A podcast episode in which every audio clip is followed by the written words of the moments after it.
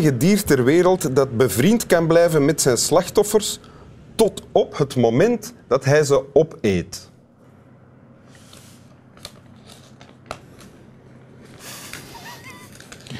Dus plannen. Met andere woorden, zolang eh, Boris en ik bevriend blijven, hoef ik niks te vrezen. Ah ja. En hij ook niet. Nee, want ik- ben een mens, dus ik Ja, ja, kan met mijn hem- slachtoffer bevriend blijven tot op het moment dat ik Ja. het slachtoffer opeet. Welkom in Winteruur. Dank u wel. Thomas van der Veken, het gesprek heeft zijn aanvang al genomen eigenlijk, om het eh, lichtjes archaïs te formuleren. Ehm, Thomas van der Veken kennen we natuurlijk als tv-maker en presentator en ooit radiomaker ook, of presentator. Nu vooral van eh, Alleen Elvis. Ja. Maar ook nog altijd presentator is eigenlijk. Hè? Ja. Ah, ja. ja. ja. En vader ook, hè? Ja. van een eh, kindje dat Ja. zelfs nog geen jaar oud is. En Nee. hoppakee, het is niet interessant genoeg voor meneer. Dikke nek. Ja. Dus we gaan verder zonder Boris. Ik ken iemand die vandaag, vandaag buiten slaapt. Ik hoop dat het regent. Eh, je hebt een tekst meegebracht. Yes. Want we laten de sfeer niet bederven door de... Door uw slachtoffer van straks. Ja, misschien is het dat. Misschien is hem bang gewoon. Ja, eh, ik heb die tekst... eh, mag ik erover beginnen praten? Ja, tuurlijk. Gevonden in een, een, eh, een boek van Coetzee in Ongenade. Het is een stukje eruit. Het is een stuk uit een gedicht van Wordsworth, een Engelse ehm, eh, natuurdichter, geboren in hetzelfde jaar als Beethoven, dus redelijk oud. Wordsworth. Wordsworth, William Wordsworth. Wel een mooie naam voor een dichter, hè? En ehm, eh, ik, heb, ik heb alleen dat stuk gelezen, maar toen ik het las heb ik dat onmiddellijk genoteerd. En, en ja, ben ik daar, heb ik daar veel terug aan gedacht. En ben je het, het eh, terug gaan zoeken, het gedicht, maar dan het Nu- hele gedicht? Ja, ja. Nu, dat hele gedicht dat is vandaag moeilijk om te lezen. Dat is, dat is heel lang en dat gaat door. Dat eindeloze natuurbeschrijvingen en zo. Het is ook in het Engels geschreven, maar ook nooit vertaald in het Nederlands. Eh, maar ik wou hier wel een vertaalde eh, versie voorlezen. En ik, had, ik heb aan Bart Stoute, die bij Clara werkt, eh, gevraagd, omdat hij heel eh, veel houdt van Engelse poëzie. Heb jij geen vertaling? Hij had er geen, maar hij heeft eh, dan een vertaling zelf gepleegd. Ah, oké. heel dankbaar Een heel verse vertaling dus. Ja. Ja, het was nodig dat daar een Nederlandse vertaling van Ja, bij deze is dat gemaakt werd. gat in de literatuurgeschiedenis gevuld. Goed, hè? Ja, Zal ik het lezen? ja graag. Ja. Vanaf een ruige richel werd ons op die dag ook voor het eerst de naakte top van de Mont Blanc onthuld. We verzonken in verdriet met dit onbezield beeld dat een levende gedachte voor goed verzwonden voor onze ogen had overweldigd. De magische vallei van Chamonix strekte zich ver beneden ons uit. Alras drong, drong zich een roerloze weelde aan ons op. Een weelde van machtige golven met verstomde watervallen en dode ijsstromen. Vijf rivieren, breed en groot, verstelden dit beeld rijkelijk en verzoenden ons met de vele aspecten van onze werkelijkheid. Oké, Ja, dat is een beetje hermetisch. hè? we gaan sowieso beginnen met eh, wat staat hier. Hè? Dus vanaf, vanaf een ruige richel. Werd ons op die dag ook voor het eerst de naakte top van de Mont Blanc onthuld. Dus v- voor het eerst, ze zijn in de Alpen aan het reizen. Jonge gasten, een hele groep mensen is in de Alpen aan het reizen. En wat is het schoonste dat je kunt zien in de Alpen? De Mont Blanc.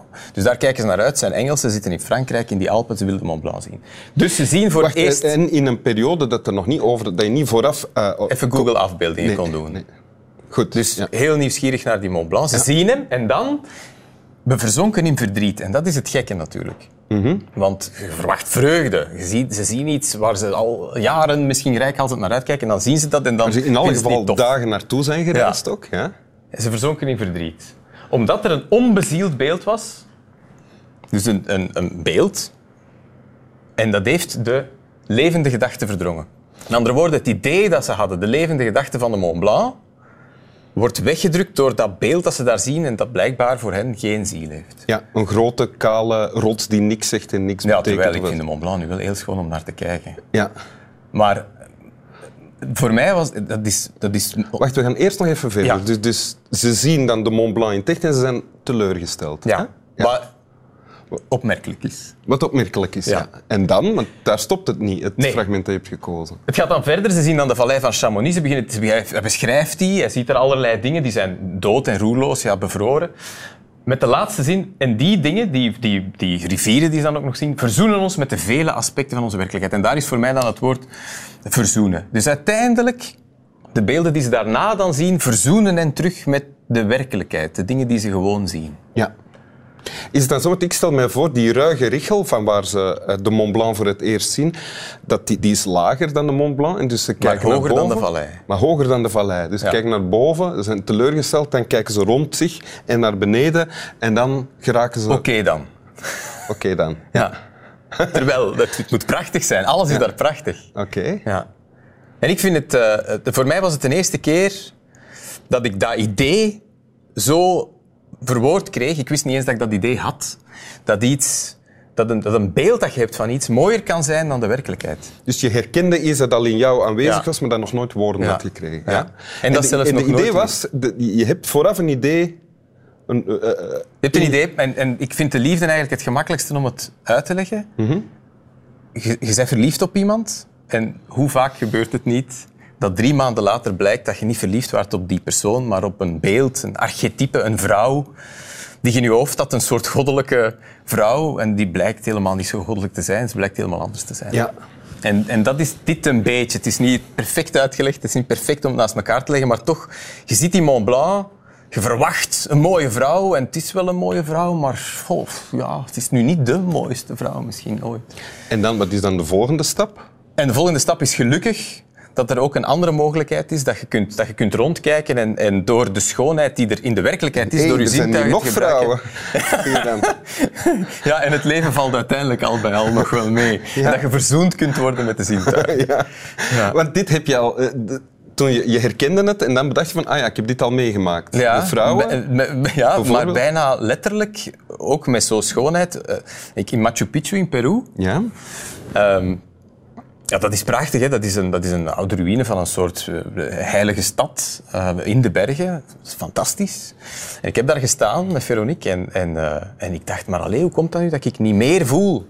Dat is hier zo schoon en ik moet hier van alles voelen. En ik voelde niet zoveel eigenlijk. Ik zag heel veel toeristen rondlopen op een, een redelijk dode plaats, mooi in de bergen. Maar Ja? en dan, het is pas als ik mijn verbeelding terug aan het werk zette, als ik met andere woorden de wereld van de ideeën terug gebruikte en niet alleen afging op mijn zintuigen, op wat ik zag, maar als ik ook mijn fantasie erbij betrok en mij inbeelde hoe die Incas daar rondliepen en hoe het misschien geweest moet zijn om daar te leven, dan werd het terug iets.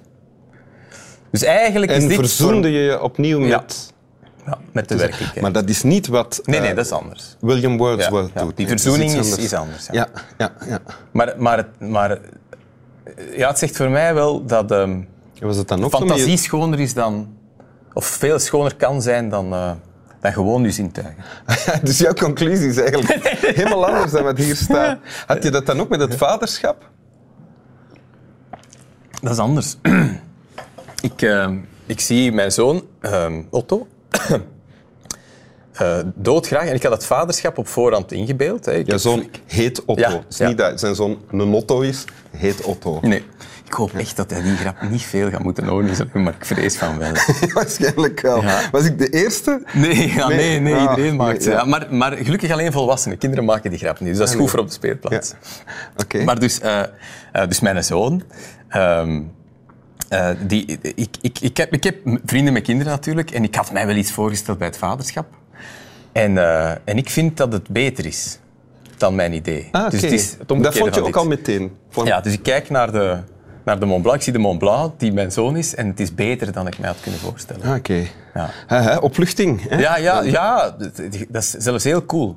Bijna elke keer als ik hem zie, is het ook beter dan daarvoor. Ja? Ja, ik vind dat wel. Of dan ik mij inbeelde dat hij was. Oké. Nog drie, vier jaar gaat dat duren en dan gaat dat terug naar beneden.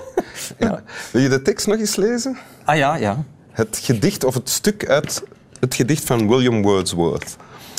Vanaf een ruige richel werd ons op die dag ook voor het eerst de naakte top van de Mont Blanc onthuld. We verzonken in verdriet met dit onbeziedeld beeld dat een levende gedachte voor goed verzwonden voor onze ogen had overweldigd. De magische vallei van Chamonix strekte zich ver beneden ons uit. Alras drong zich een roerloze weelde aan ons op. Een weelde van machtige golven, met verstomde watervallen en dode ijsstromen. Vijf rivieren, breed en groot, verstelden dit beeld rijkelijk. En verzoenden ons met de vele aspecten van onze werkelijkheid. Merci. Slap wel.